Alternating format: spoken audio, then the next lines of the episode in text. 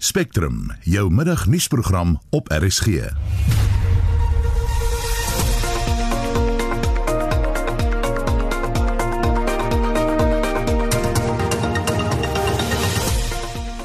In die program die EFF leier Julius Malema se rol in onderhoude by die regtelike dienste kommissie word bevraagteken.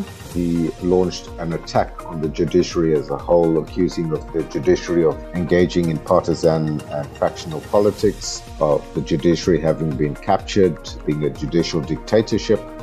Die gemeenskap van Piet Retief vra vir kalmte na gewelddadige voorval op 'n plaas in die gebied. Na bewering was die lewens van werkers, bestuur en die plaaseienaar tydens hierdie gemelde optog op 'n stadium onder bedreiging. En ons kyk in diepte na die nuwe bevelstruktuur van die Suid-Afrikaanse Nasionale Weermag. Goeiemiddag, my naam is Susan Paxton. Dis nou 5 minute oor 12 jy luister na Spectrum. Die Raad vir die Bevordering van die Suid-Afrikaanse Grondwet, Kazak, het weer 'n brief aan die parlement gerig oor Julius Malema se rol in onderhoude by die regtelike dienste kommissie. Dit volg na 'n antwoord van die spreker Tandi Modise op 'n voorgeskrewe van Kazak wat hulle aan haar gerig het. Annelie Janse van Vuren berig. Die uitvoerende sekretaris van Kazak, Losen Naidu, sê hy het reeds op 31 Maart hul eerste brief aan Modise gestuur. Was the reported comments by Mr. Malema on the 30th of March when he launched an attack on the judiciary as a whole, accusing of the judiciary of engaging in partisan and factional politics, of the judiciary having been captured, being a judicial dictatorship. And we felt that as somebody who is a representative of the National Assembly to Judicial Service Commission, Mr. Malema is deeply conflicted. He's made known his political views, and we were concerned that he would carry those political views into the JSC process itself. Our fears were well founded because that is exactly what Mr. Malema did during the range of uh, interviews for the Constitutional Court and indeed in interviews for the Supreme Court of Appeal yesterday. In antwoord hierop het Modise gesê dat die parlement nie Malema se sienings oor die regbank deel nie. Het Kazak aangeraai om 'n klagte by die registrateur van lede se belange in te dien indien hulle die saak wil verder voer. With due respect, the response from the Speaker of the National Assembly was inadequate. It didn't really engage with all of the issues that we raised. Of course, one can lay a complaint with the Ethics Committee regarding Mr. Malema's comments and his disparaging remarks about the judiciary. But that does not deal with his membership of the Judicial Service Commission as a representative of the National Assembly. That is something that the Speaker and the National Assembly need to deal with. And so we have written back to the Speaker highlighting that fact and saying that because Mr. Malema sits in the Judicial Service Commission not as a representative of the economic freedom fighters, but as a representative of the National Assembly, there is a constitutional responsibility on the National Assembly to ensure that its representatives to the JSC are indeed fit and proper people. And in our view, Mr Malema does not fall into that category. Kazak het nog nie 'n antwoord op hulle tweede brief ontvang nie. Naidu het beklemtoon dat aanvalle op die regsbank nie geduld kan word nie. That's the real threat is that well, there appears to be an orchestrated campaign to undermine the integrity of the judiciary. And the, these attacks are coming from people who are themselves facing the law. The other point we raised in the letter to the Speaker is that Mr. Malema is facing at least two criminal charges at the moment before our courts. And surely that places him in a position of,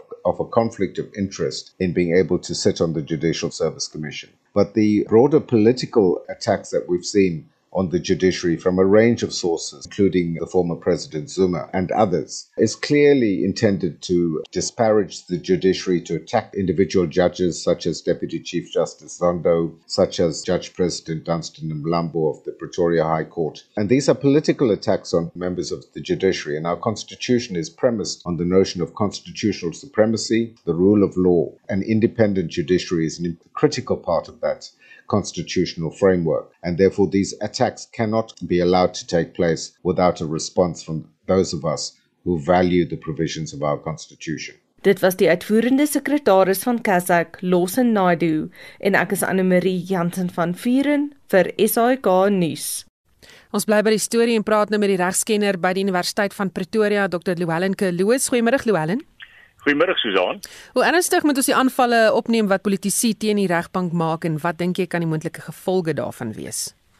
Wel, eerstens moet ek net sê ek stem heelhartig saam met die opmerkings wat gemaak is uh, deur Losenaidu. Ek dink dit is dit is dit gaan tot die kruks van die saak en ek stem 100% daarmee saam.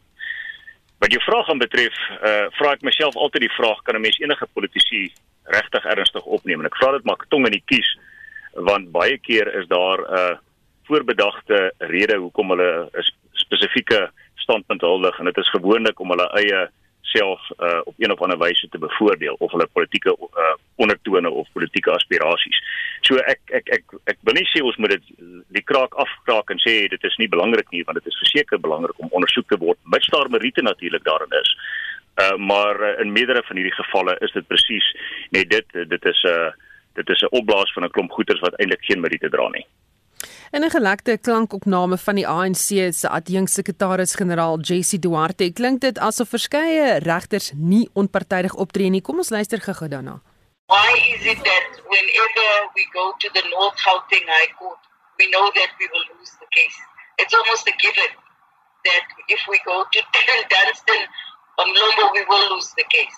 It's almost a given that if Judge Flope in the Western Cape listens to a matter, the ANC will come out better. But it shouldn't be like that. It should be a judiciary that does not have a sisterhood and brotherhood in any political party. Jou reaksie hierop? Wel, ons ons regstelsel maak definitief voorsiening vir wigte en teenwigte en dit is hoekom ons appelstelsel het. Weet so deur die aantuiging te maak dat uh, mens uh, dat die ANC byvoorbeeld hulp kry in die Wes Weskaap maar nie in Gauteng nie dink ek is weer eens 'n voorbeeld van 'n baie eensydige interpretasie van die reg. Uh as dit so was dan sou ons hoogste howe in ons uh jy weet ten minste ons uh hoogste hof van appel in Bloemfontein en selfs die grondwetlike hof dan van tyd tot tyd baie kritiek uitgespreek het teen die regter self in Gauteng. En, en na my beskeie mening is dit nie die geval nie. So dit is dalk dit dit doet eenvoudige geval van miskien is daar meriete in in die sake in in in die Weskaap terwyl daar geen meriete in hulle aantuigings is in die in in Gauteng nie. En definitief met elke saak op sy eie meriete oorweeg word. So deur te veralgemeen is dit eenvoudig maar net 'n politieke uh 'n speelbal alweer eens soos wat ek voorheen probeer verduidelik het. Hmm. Wat dink jy van die opmerkings wat ook onlangs deur hoofregter Mogoeng Mogoeng gemaak is? Ja, as jy verwys na die aangeleentheid uh, rondom uh, Pravin Gordhan uh in sy moontlike interaksie met uh regter Pillay uh waarin hy klaarblyklik in 2016 vir die hoofregter gekonfronteer het en op een of ander wyse probeer beïnvloed het. En ek dink dis die suggestie wat moontlik gemaak is tydens die sitting van die regtelike dienskommissie. Dan dink ek 'n mens moet dit ook weer eens in perspektief sien. Jy weet uh as ons moet op enigiets wat ons deesdae doen op eiersloop die heeltyd dan mag ons letterlik niks vir mekaar sê nie. Dis 'n ander ding as daar 'n voorbedagte rade gewees het of 'n voorbedagte bedoeling gewees het om hom te beïnvloed. Maar ek kry die idee as ek hom reg verstaan en dis nou die antwoord van uh, uh, Pravin Gordhan dat dit maar nie verbygaande was dat hy net toevallig 'n navraag gedoen het oor uh, oor uh, hoe dit gegaan het met sy met sy kollega tydens haar onderhoude nadat daar al reeds 'n bevinding gemaak is dat sy nie geskik sou wees om dan in die hoogste hof van appel te sit nie. En uh jy weet ons het daarom vryheid van spraak ook. Uh, jy weet jy kan nie een grondwetlike reg noodwendig hoor ag as 'n ander een nie. Maar duidelik het uh, Mogoeng Mogoeng uh die standpunt gehuldig dat daar iets in 'n ster daarin is en as dit so is, dan sou mens gedink het hy moes dit lankal geopper het. Hoekom wag 5 jaar later en dit nou eers opper? Ehm um, ek meen dit maak ook nie sin nie. Baie dankie. Dit was 'n regskenner by die Universiteit van Pretoria, Dr. Louwelen Kloos. Daar is uiteenlopende reaksie op die nuwe bevelstruktuur van die Suid-Afrikaanse Nasionale Weermag wat gisteraand deur president Cyril Ramaphosa aangekondig is. Luitenant-generaal Ruzani Mapanywa sal die leiersels oorneem by generaal Sonny Shoki as hoof van die weermag. En ons praat nou met die nasionale sekretaris van die Suid-Afrikaanse Nasionale Weermag, Unie Sanwu, Pikkie Greef. Goeiemôre Pikkie. Goeiemôre, goeiemôre aan luisteraars. Jou reaksie op die nuwe hoof van die weermag? Ja, ons verwelkom die nuwe aanstelling. Ehm um, ek uh, eintlik maar so halfdong in die kies sê ons weet nie wat ons meer verwelkom nie die nuwe aanstelling of die vertrek van generaal Shokkie nie. Maar uh wie is dit nou soos dit is?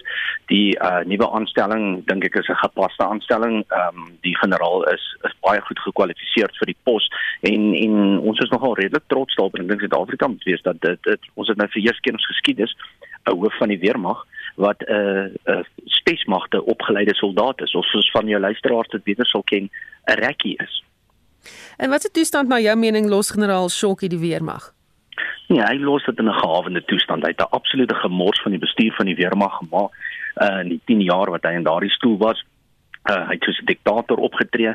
Hy het uh, uh, geen uh, respek gehad vir die regte van soldate of vir die regsprosesse waardeur soldate kon gaan nie. Daarvan kan ek talle hofsaake wys wat die Unie teen die weermag gewen het as gevolg van generaal Shockie se ondeurdagte en onregverdige besluite. Uh, ek dink daar is 'n hele paar generaals in die bevelskader wat uh, sy vertrek verwelkom. Jou reaksie ten opsigte van die ander aanstellings? Nou, ons is nogal uh ook verwelkom ons natuurlik die uh feit dat die geneesheer-generaal vervang word. Uh dis nou nog nie nou ons duidelik of hy bedank het en of hy bloot uh, op op uh, uh aftrede gaan nie.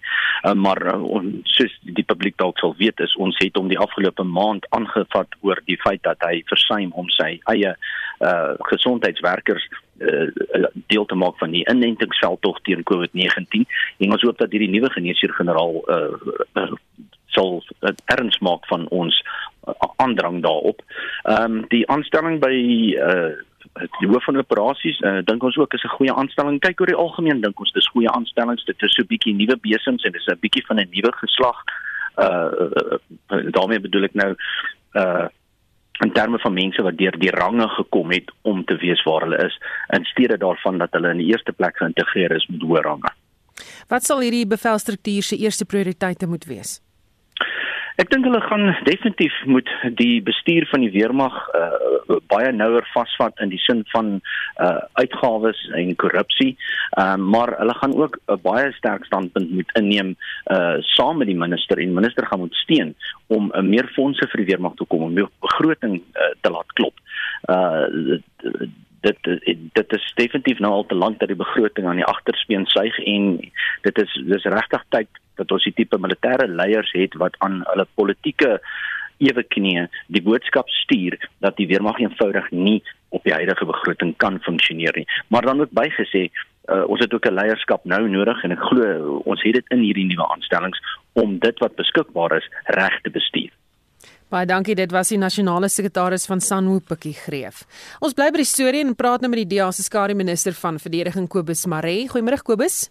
Goeiemôre, goeiemôre Susan, goeiemôre vir die luisteraars. Jou reaksie op die aanstellings? Ek het aard van die saak met die mense het verwelkom, maar mense moet die uh, nuwe hoof van die weermag uh, voorspoed toewens met die enorme taak wat voorlê. Ehm um, 'n klompie van die mense is nuwe besems, soos Pikkie ook gesê het en 'n mens hoop dat daar 'n nuwe ehm um, gesindheid en 'n nuwe dryf en 'n nuwe fokus gaan wees in die weermag.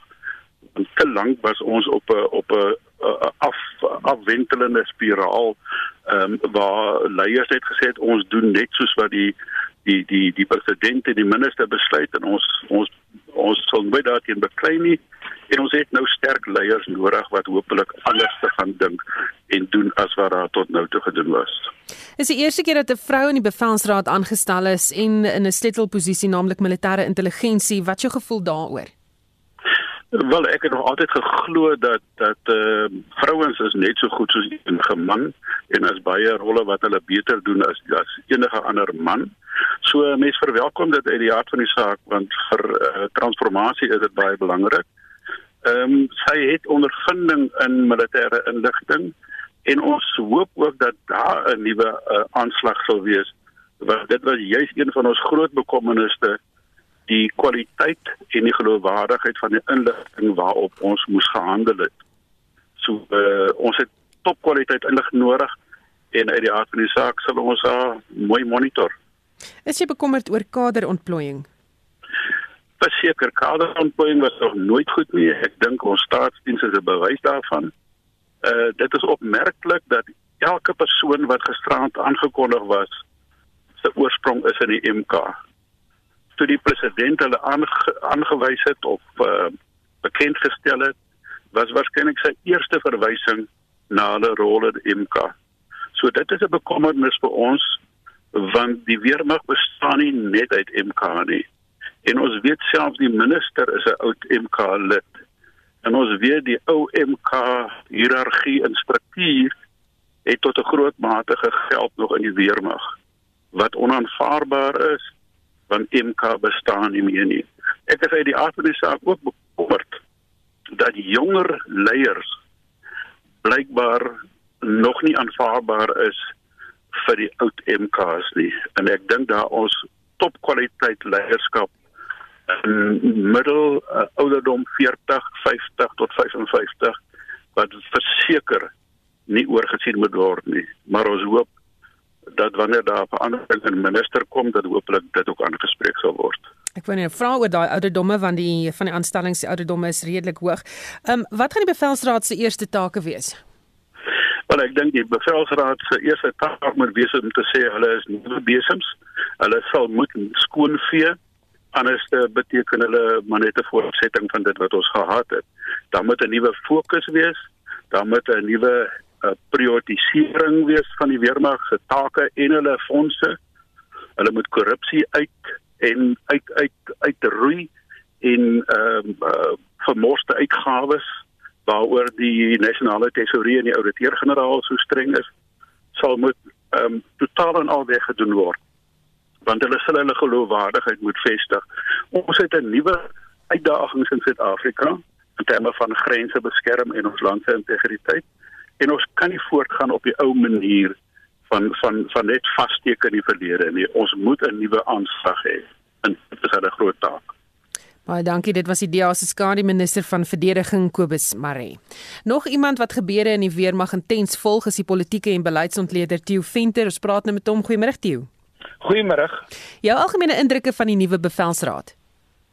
Ja, wel ek dink Pikkie en Kobus het die belangrikste ehm um, uh, opmerkings gemaak. Ehm um, vir my polities gesproke het twee goed opgeval. Die een is die aankondiging is gemaak deur die president en nie deur die minister van verdediging nie.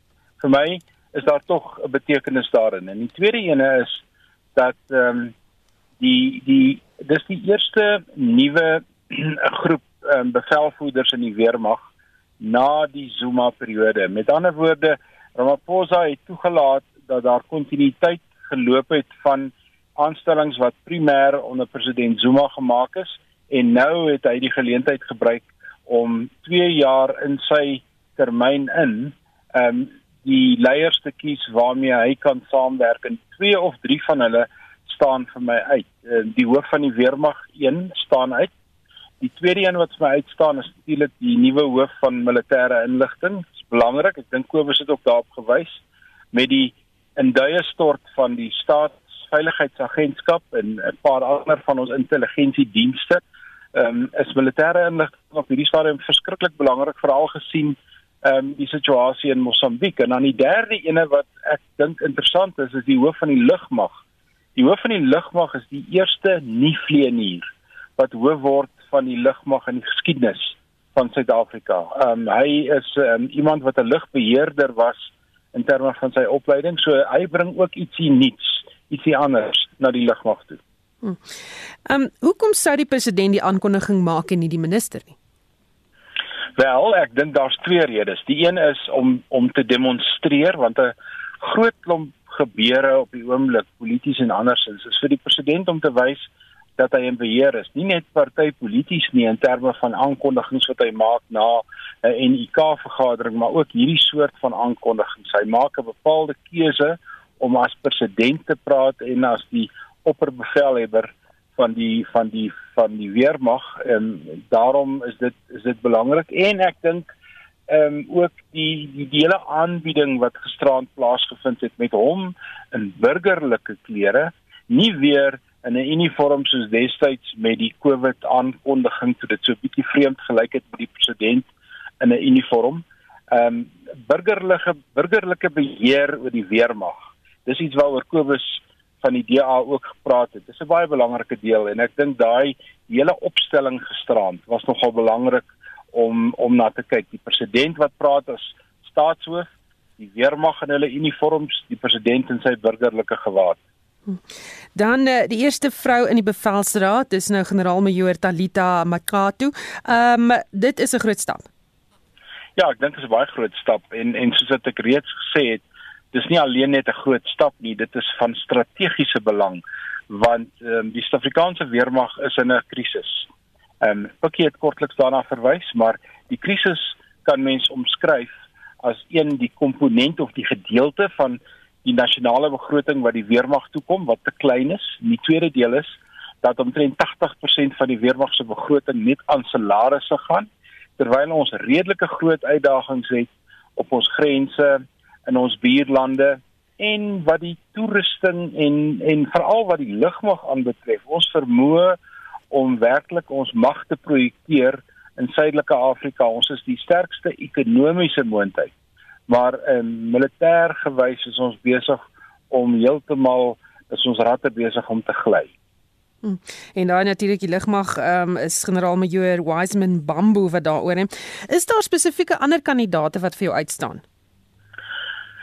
Ja, die die nuwe hoof van van operasies is 'n is 'n is 'n is 'n interessante kandidaat wat geweldig vinnig deur die range beweeg het, maar nou moet ons onthou in die meeste van hierdie bevelsposisies um, is mense daarom deel van 'n kollektief. Mense is deel van 'n 'n bestuursgroep. Jy is nie heeltemal alleen nie, maar uh, die indruk wat ek kry is hy het nie sonder rede vinnig deur die range beweeg nie en uh, hy uh, ek dink hy het 'n uit 'n hoof van die weermag wat eintlik oor hom sal bevel voer wat 'n baie ervare man is en wat presies weet hoe werk hierdie soort van besigheid. Baie dankie, dit was die politieke en beleidsontleder Theo Venter.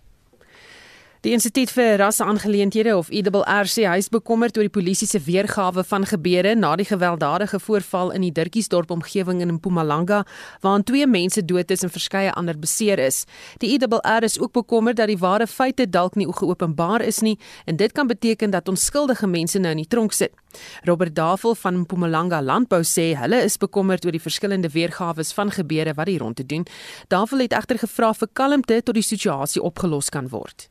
Mpumalanga landbou verstaan dat die insident klaarblyklik voortgespruit het uit 'n beweerde onwettige optog deur lede van 'n naburige gemeenskap. Na bewering was die lewens van werkers, bestuur en die plaaseienaar tydens hierdie gemelde optog op 'n stadium onder bedreiging. Die plaaseienaar het blykbaar 'n noodoproep uitgestuur vir hulp vanaf sy bure om dan nou die lewens daar te beskerm. Soos ons verstaan het 'n skermutseling uitgebreek waar tydens een plaaswerker doodgeskiet 'n optogganger blykbaar noodlottig gewond, een boer skedelbreuk opgedoen in blykbaar in 'n hospitaal op die stadium en verskeie ander boere ernstig beseer is. Volgens berigte wat ons ontvang het, is vier boere gearresteer waarvan die klagtes nog onbekend is aan ons.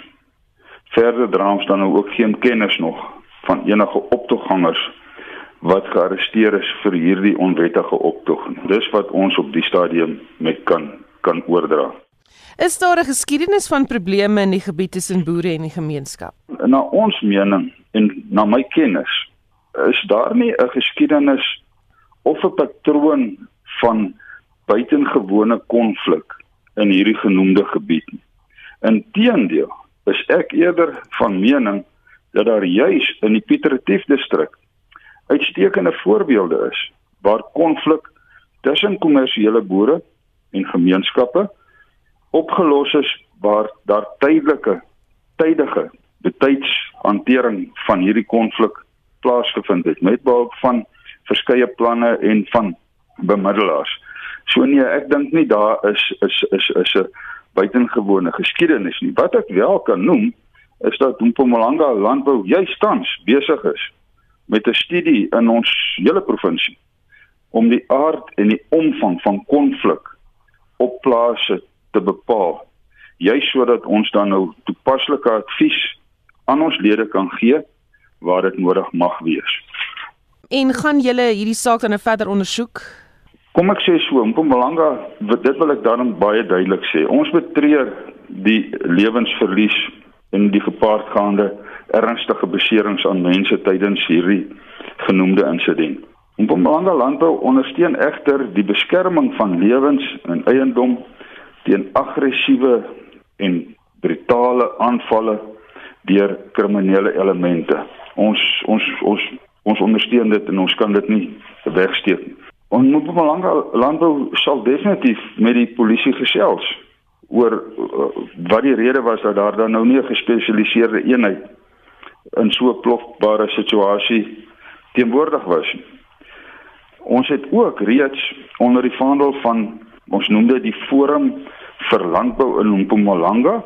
Nou daardie forum bestaan uit onsself, Afasa en ons kollegas van TLI SA Oostreek. En nou deur hierdie forum het ons 'n dringende vergadering met die uh, nuut aangestelde emissie vir landbou, uh meneer Mantla Msibi aangevra om dan nou hierdie tragiese insident in diepte te bespreek.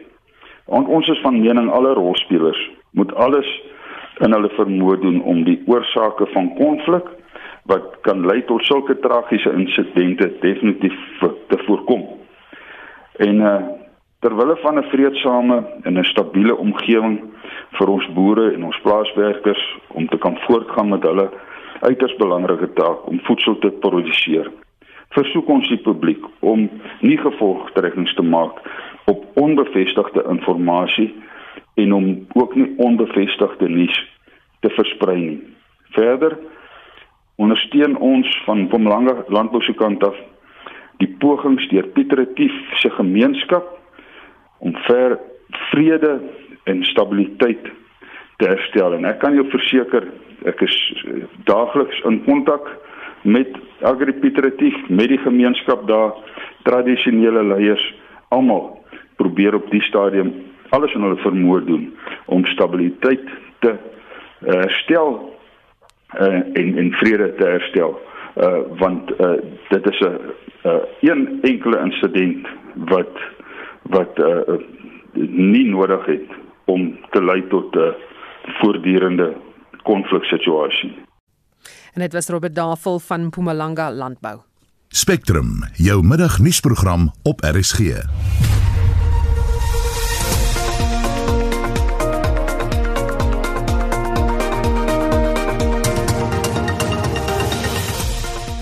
In die program die nuwe bevelstruktuur van die Suid-Afrikaanse nasionale weermag word met gemengde reaksie begroet. Ons weet nie of wat ons meer verwelkom nie, die nuwe aanstelling of die vertrek van generaal Shokkie. Die nuwe aanstelling dink ek is 'n gepaste aanstelling. Ehm um, die generaal is is baie goed gekwalifiseer vir die pos. Klompie van die mense is nuwe besems. So stemme mense hoop dat daar 'n nuwe gesindheid en 'n nuwe dryf en 'n nuwe fokus gaan wees in die weermag. Dit is opmerklik dat elke persoon wat gisterand aangekondig was se oorsprong is in die MK.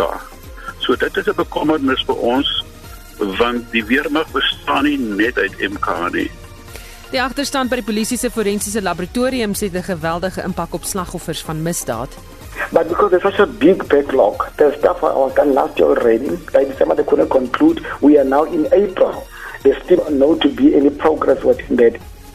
En ons kry 'n antwoord op hoe jou motor se kleur jou versekeringspremie beïnvloed. Bly ingeskakel.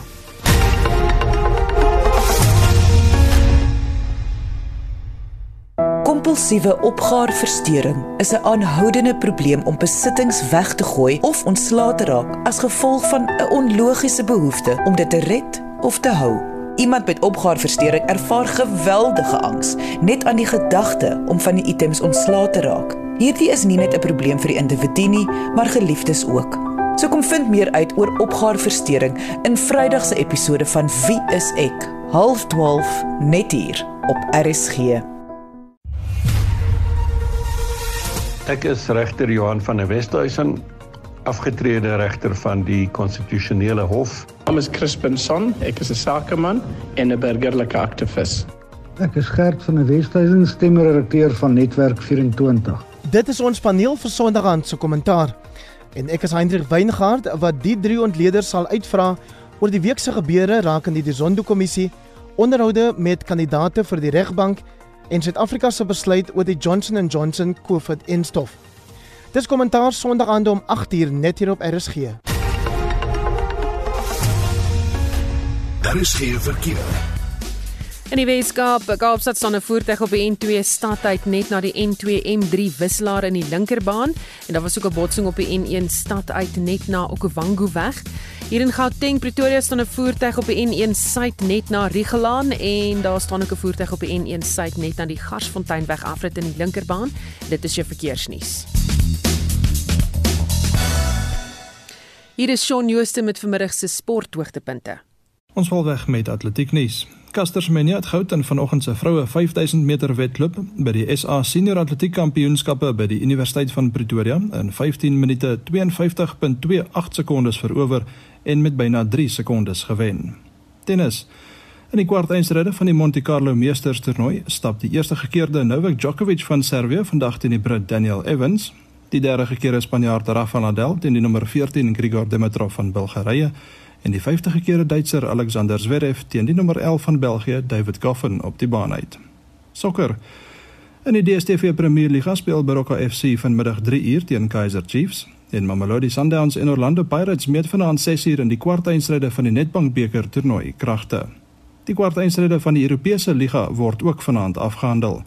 Manchester United kom teen Granada, Roma teen Ajax Amsterdam, Slavia Praag teen Arsenal en Villarreal teen Dinamo Zagreb te staan. Die wedstryde skop 9 uur af. United het 'n 2-0, Roma 2-1 en Villarreal 'n 1-0 voorsprong, terwyl sake tussen Praag en Arsenal gelykop is met 1 elk. En laastens op die cricketveld pak die Delhi Capitals en Rajasthan Royals mekaar vanmiddag 4 uur in die IPL reeks. Shaun Jooste van RSG Sport.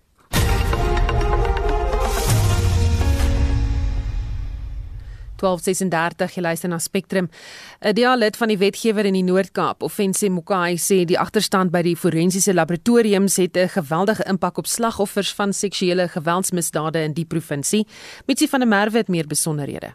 Een van die voorbeelde wat Mokai noem, is die van 'n vrou wat verkrag is wat steeds wag vir die uitslag van 'n DNA-toets.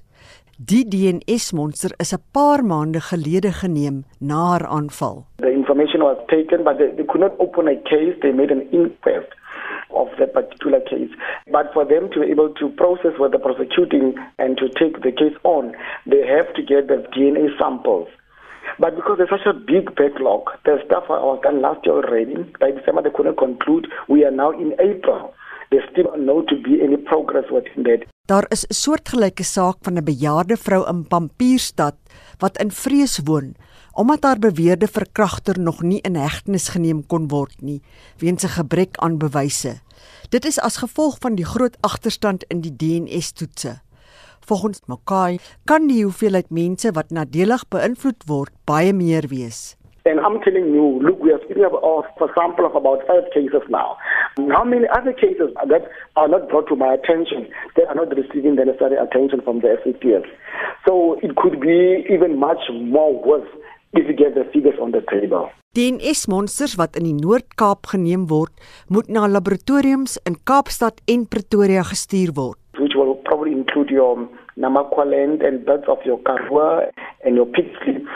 The samples are sent to the lab in Cape Town, in the Western Cape, and the other half of the province going up to include access versus Bart and a bit of in, in, in Pokwane areas, and so they'll be sent to the labs in Pretoria. Mm. But because there's such a backlog, the cases are just not being processed because of DNA. Geregtigheid kan in baie gevalle nie geskied nie as gevolg van die agterstand in DNS-toetse. And we've raised this issue and my colleague at National Andrew Whitfield now is taking the matter now to the Human Rights Commission because it's violating the basic human rights of our citizens. So it tells you this thing of the DNA samples. In, when we closed the year last year, we were only sitting about 117 backlog.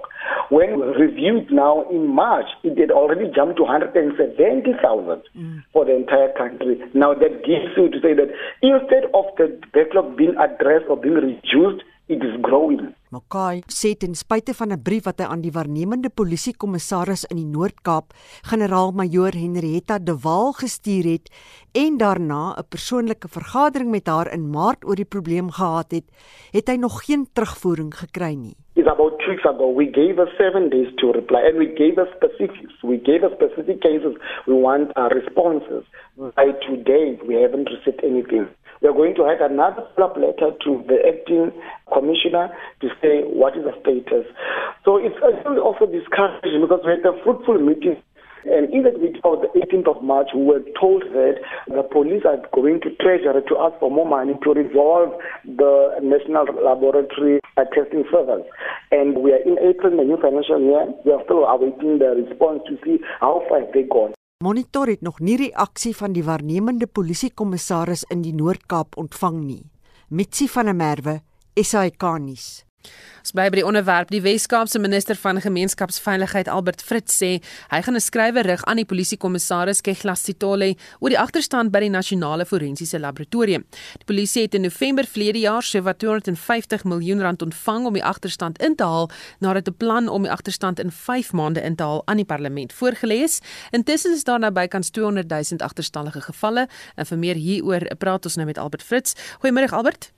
Goeiemiddag en goeiemiddag aan al die luisteraars. Kan jy kortliks ons verduidelik wat die afgelope 5 maande plaasgevind het? Ja, dis presies die punt. Ons het soos ek sê ons het um, so omtrent 5 maande gelede as jy reg uitgewys het, um gevra wat aan die gang en hulle het vir ons gesê daar's 'n omkeerplan.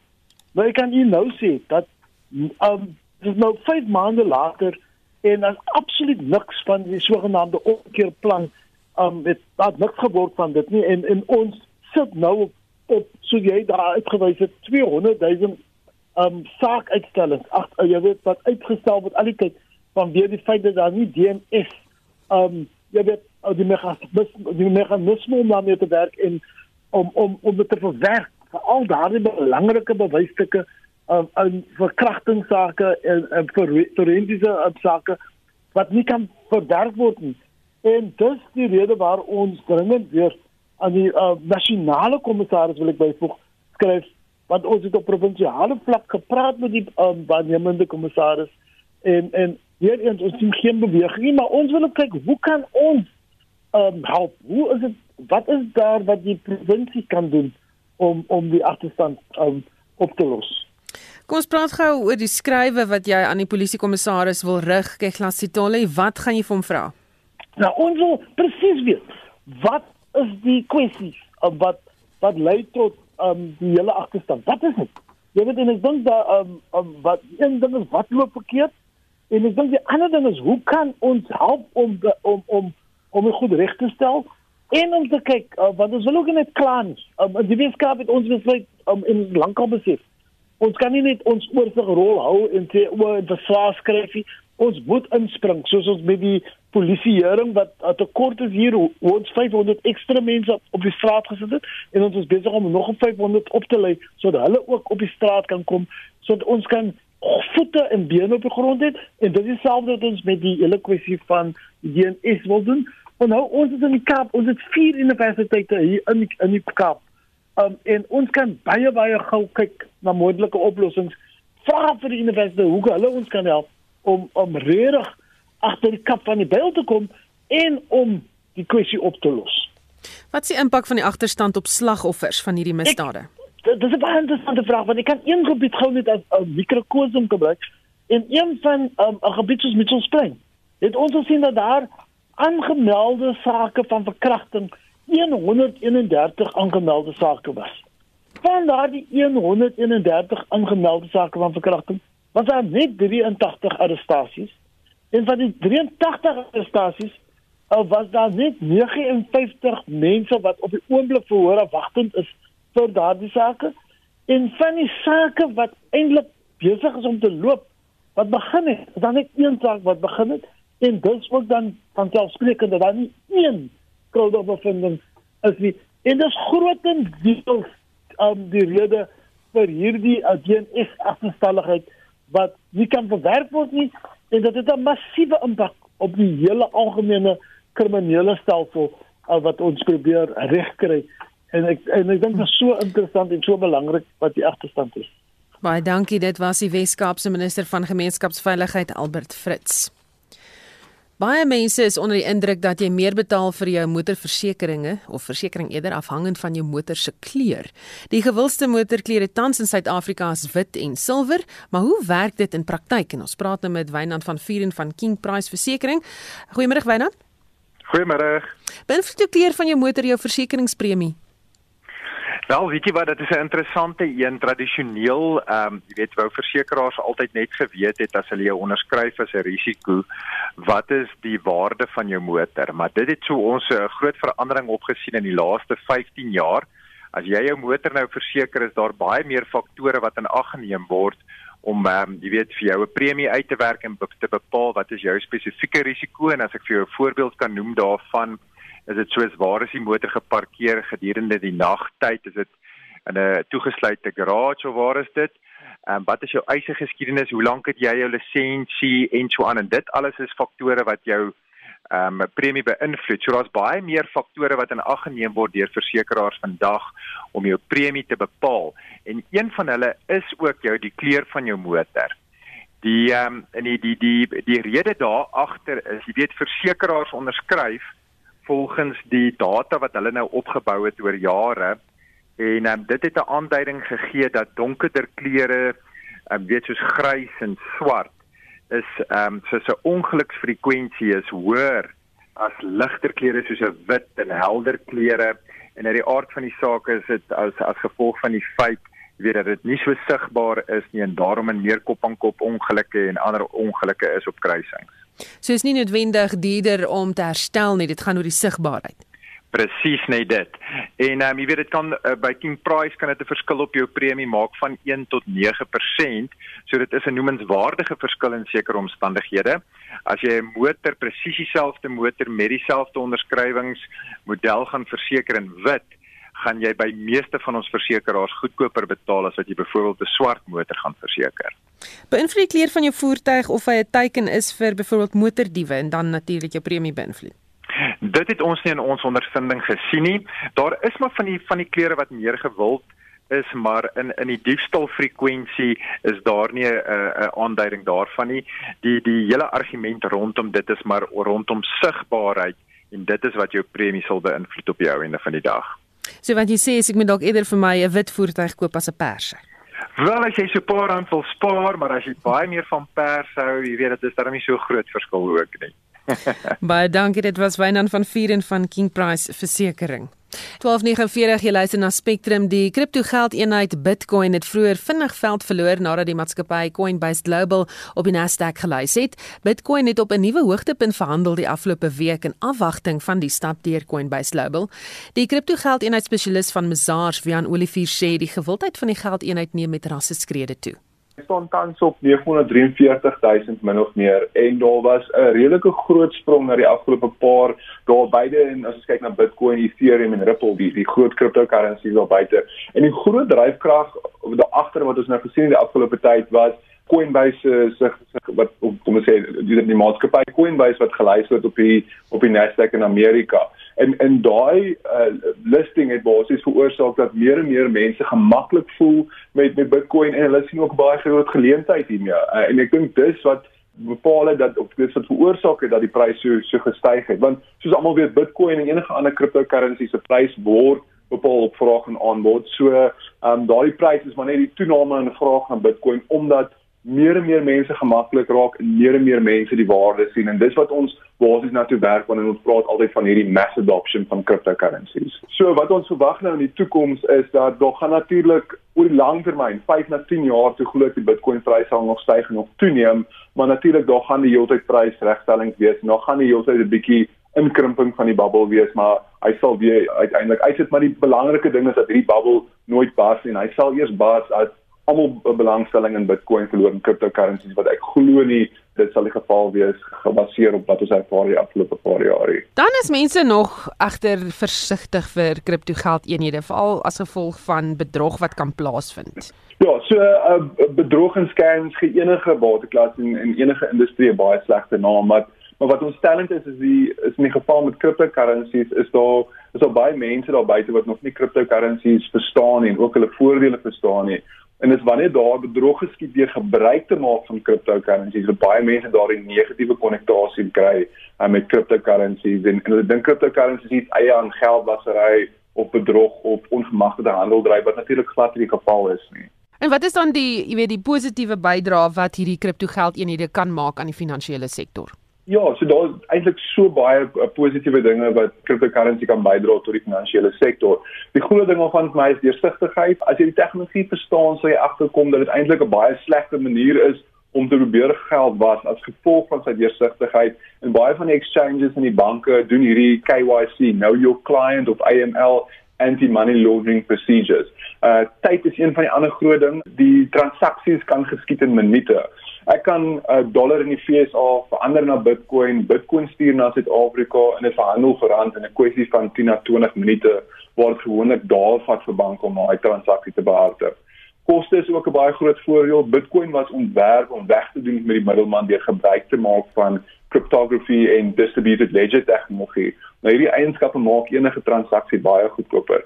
Maar 'n ander groot voordeel is die vrye mark wat cryptocurrency bied. Geld kan vrylik beweeg en bates met intrinsieke waarde kan ook op die blockchain geplaas word soos ons nou gesien het met non-fungible tokens.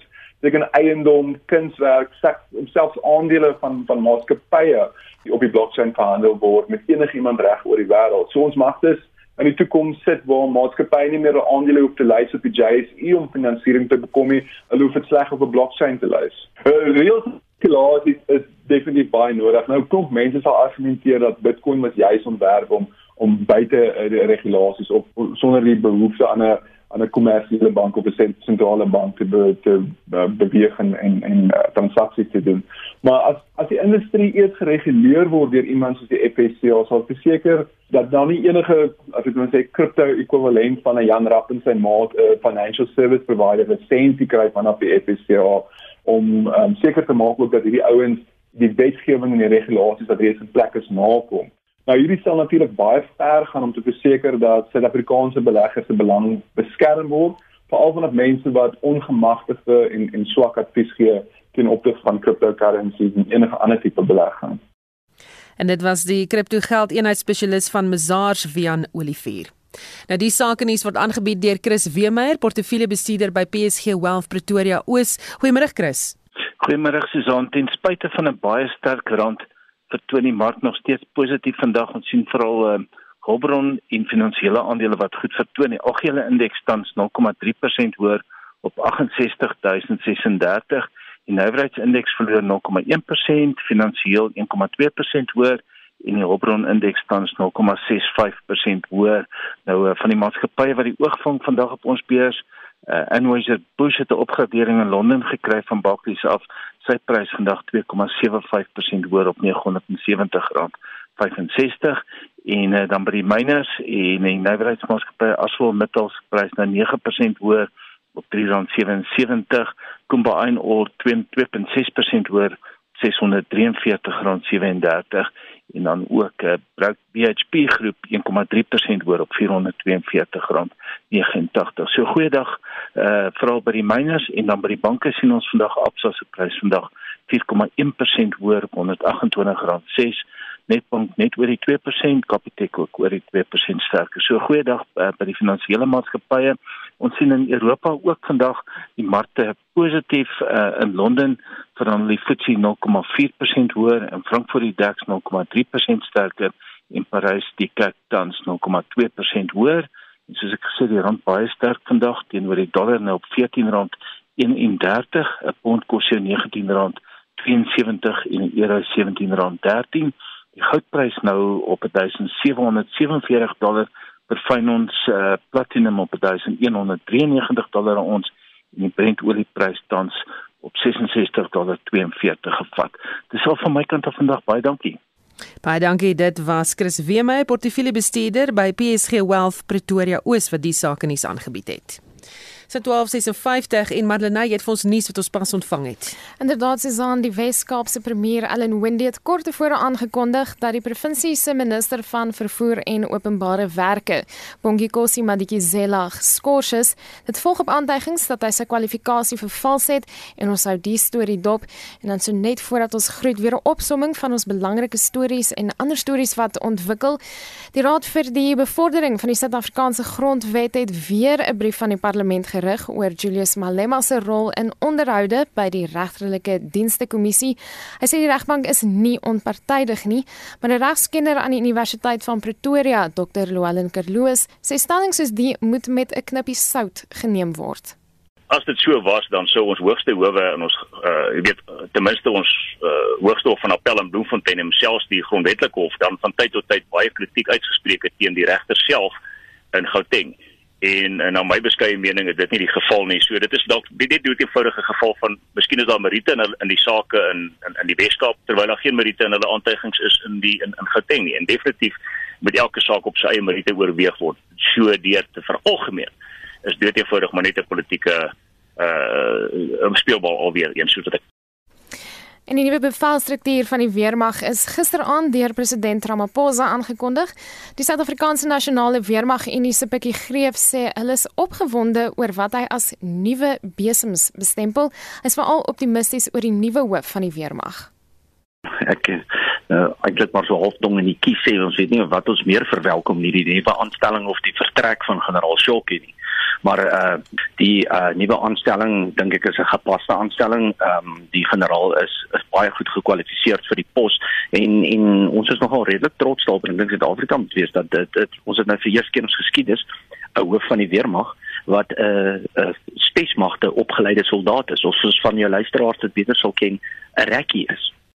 By Tybega of Port Elizabeth is in die Oos-Kaap is die minister van gesondheid Willem Kize by die Doranginza Hospitaal, maar die besoek is voorafgegaan deur 'n Nehawo betoging en die streekswoordvoerder Sweetness Sitoke het hulle eise met die SAK gedeel. We have grievances that are in his office, which we submitted last year in August. Not even a single grievance has been addressed. There are managers here who are doing as they please, things that are irregular. There are workers here who are being exploited. There is a memorandum which we submitted in his office November when he, we had a march nationally. He has not responded to it. We've got our brothers and sisters who are being exploited, getting paid 3.5. The government of South Africa is clear that they want to implement NHI. There is no way you can implement NHI outside care workers because that structure revolves care workers and we're saying that they must be employed permanent like it was done in Gauteng. En nog 'n storie wat ons dophou is die ANC sekretaris-generaal Ysmacher Shule se beplande besoek aan oud-president Jacob Zuma by sy Nkandla woning in KwaZulu-Natal, deel van sy raadplegende vergadering met die ANC leiers en veterane. Hy moet oor minder as 15 dae van sy pos afstand doen ingevolge 'n resolusie op die ANC se nasionale uitvoerende komitee, indien nie kan hy geskort word. En dit was Marlene Forsie met daardie opsomming van die nuus. Ons groet namens ons waarnemende uitvoerende regisseur Wessel Pretorius, die redakteur Justin Kennedy en produksieregisseur Evert Snyman. My naam is Susan Paxton. Esai Kahnis, onafhanklik, onpartydig.